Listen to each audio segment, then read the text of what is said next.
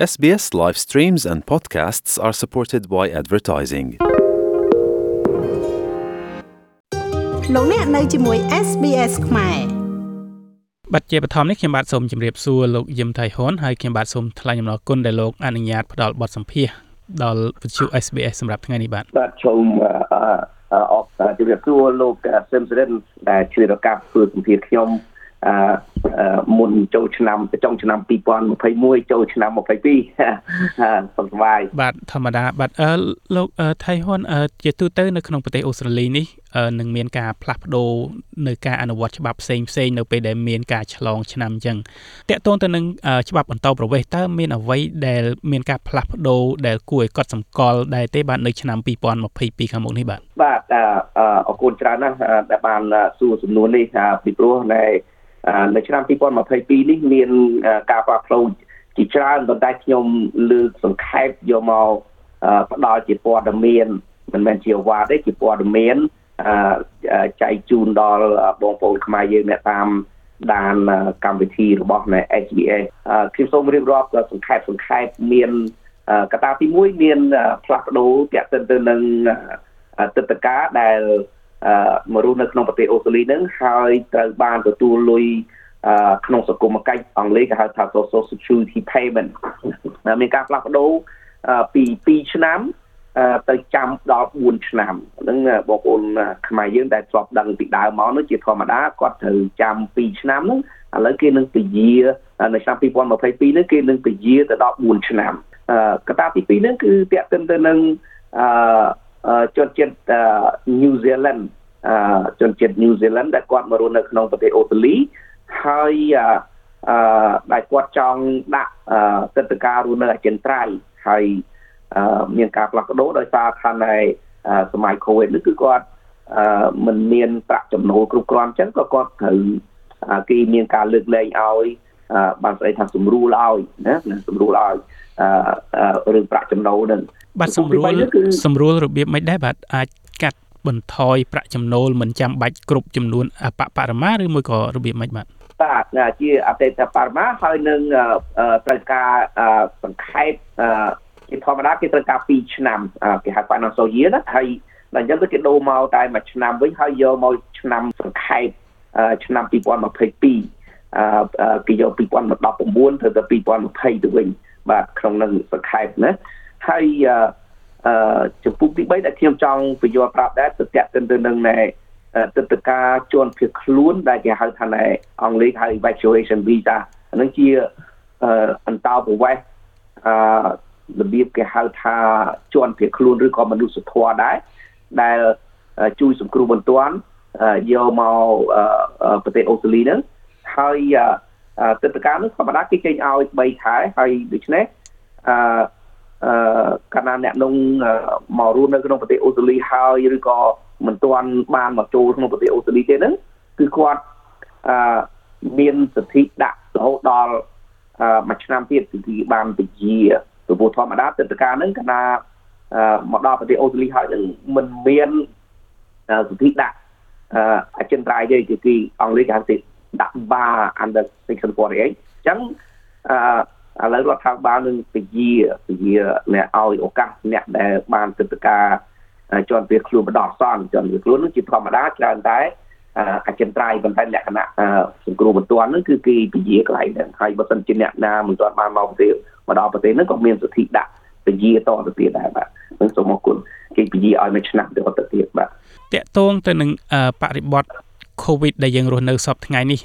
ដោយសារតែយើងមានโรគរាតត្បាតមានការបិទព្រំដែនតើរដ្ឋាភិបាលមានការបន្ធូរបន្ថយការរឹតបន្តឹងខ្លះទេឧទាហរណ៍ថាប្រសិនបើមាន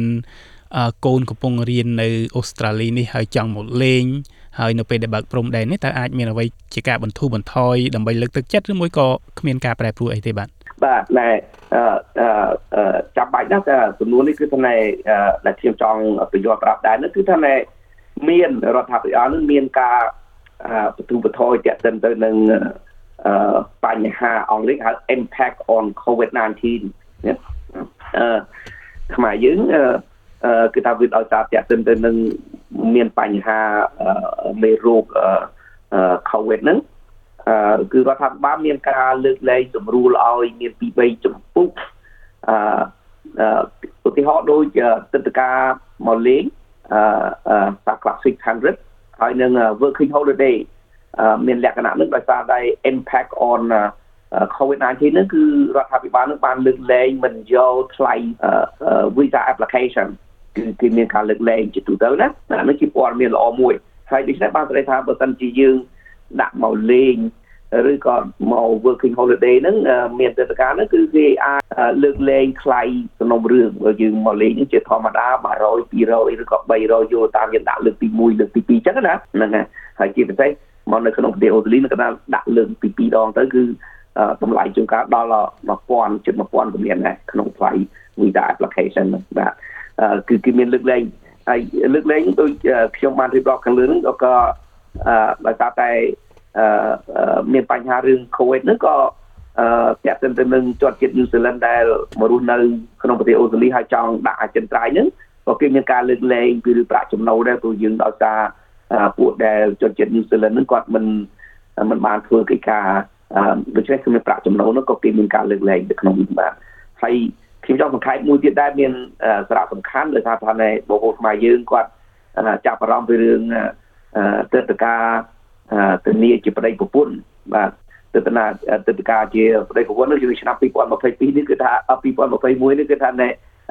មានការជជែកវែកញែកជាច្រើនណាហើយជាទូទៅនៅក្នុង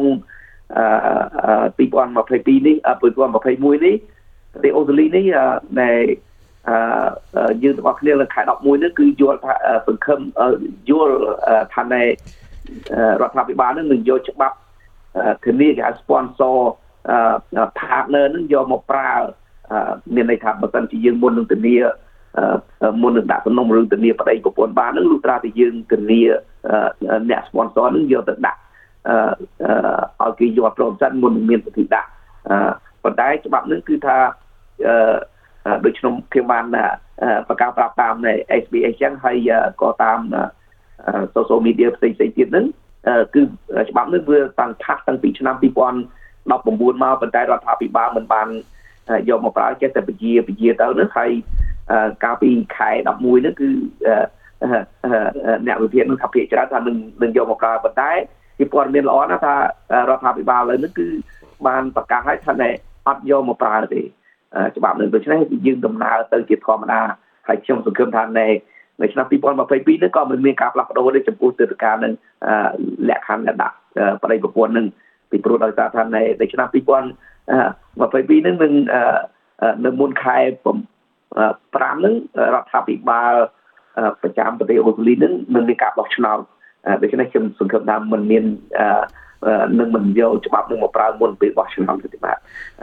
សូមអរគុណបាទចំណុចមួយទៀតអឺកាលពីប្រហែលខែមុនគឺរដ្ឋាភិបាលអូស្ត្រាលីហ្នឹងគឺបាន ផ្ដល់នៅទឹកតការពិសេសមួយដល់ពលរដ្ឋនៅអាស៊ីអាគ្នេយ៍ក្នុងនោះក៏មានកម្ពុជាផងដែរដើម្បីមកបម្រើការងារខាងផ្នែកវិស័យកសិកម្មតែមកដល់ពេលនេះមានការវិវត្តដល់ណាស់ហើយបាទតាមត្រូវហើយដែលលោកសរឹមអឺតាមក៏ពិតទៅទិដ្ឋការនឹងវាคล้ายទៅជាច្បាប់คล้ายទៅជាអីអស់ហើយក៏ប៉ុន្តែដំណើរការនឹងមានការយឺតយ៉ាវដោយសារវាមាន impact ពីរឿង COVID-19 នឹងអញ្ចឹង អឺដំណើរការនឹងគឺថាយូរទៅតាមប្រទេសអឺតំណាងឲ្យប្រទេសនីមួយៗនៅក្នុងអាស៊ានហ្នឹងតាមដែលខ្ញុំដឹងនឹងគឺថានៅរដ្ឋាភិបាលប្រទេសអូស្ត្រាលីនឹងក្រសួងការបរទេសនិងក្រសួងការបរទេសរបស់ប្រទេសកម្ពុជាយើងណាអឺជាទូទៅគឺក្រសួងការបរទេសនិងក្រសួងការបរទេសនៅអាស៊ាននឹងគេត្រូវជជែកវែកញែកហើយលក្ខខណ្ឌដាក់លក្ខខណ្ឌនីមួយៗជាមួយនឹងប្រទេសក្រសួងការបរទេសនឹងព្រោះទឹកតការមួយនឹងអឺ មានការតំណាក់តំណងគ្រប់គ្រងក្រោមក្រសួងការបរទេសរបស់ប្រទេសអូស្ត្រាលីអញ្ចឹងហើយបានជាក្រសួងការបរទេសនឹងមានតំណាក់តំណងជាមួយនឹងអឺក្រសួងការបរទេសរបស់ប្រទេសអាស៊ាននឹងហើយតាមដែលខ្ញុំដឹងនឹងគឺគេបានជួបជាមួយនឹងក្រសួងការបរទេសរបស់ខ្មែរយើងខាងរដ្ឋមន្ត្រីខាងកិច្ចការតាមដែលខ្ញុំដឹងនឹងបានជួបដល់2ដងហើយរហូតមកដល់ចុងឆ្នាំនឹង ក៏ប៉ុន្តែមិនទាន់បានសម្រាប់ចេញជាផ្លូវផ្លែផ្កាថាតើគេនឹងយល់ព្រមឲ្យនៅឡើយទេហើយមិនមែនតែខ្មែរយើងទេលោកសរឹមតាមក៏ពិតទៅនឹងនៅក្នុងប្រទេសអាស៊ានទាំងអស់ហ្នឹងក៏រដ្ឋាភិបាលអូស្ត្រាលីនឹងមិនទាន់បានសម្រេចថាឲ្យប្រទេសណាមួយនៅក្រោមទឹកតការគេហៅថា Australian Agriculture ហ្នឹងដែរបាទសូមថ្លែងអំណរគុណលោកដែលបានចំណាយពេលផ្ដល់បទសម្ភាសន៍សម្រាប់ថ្ងៃនេះបាទសូមជូនពរជ័យអ្នកតាមដានកម្មវិធី SBS នេះសូមជូនពរ ឆ្នាំថ្មី2022នេះឲ្យបានសុខសប្បាយសន្តិភាពកុំឲ្យមានបញ្ហាជាមួយនឹង COVID ថ្មី Omicron បាទចុច like share comment និង follow SBS ខ្មែរនៅលើ Facebook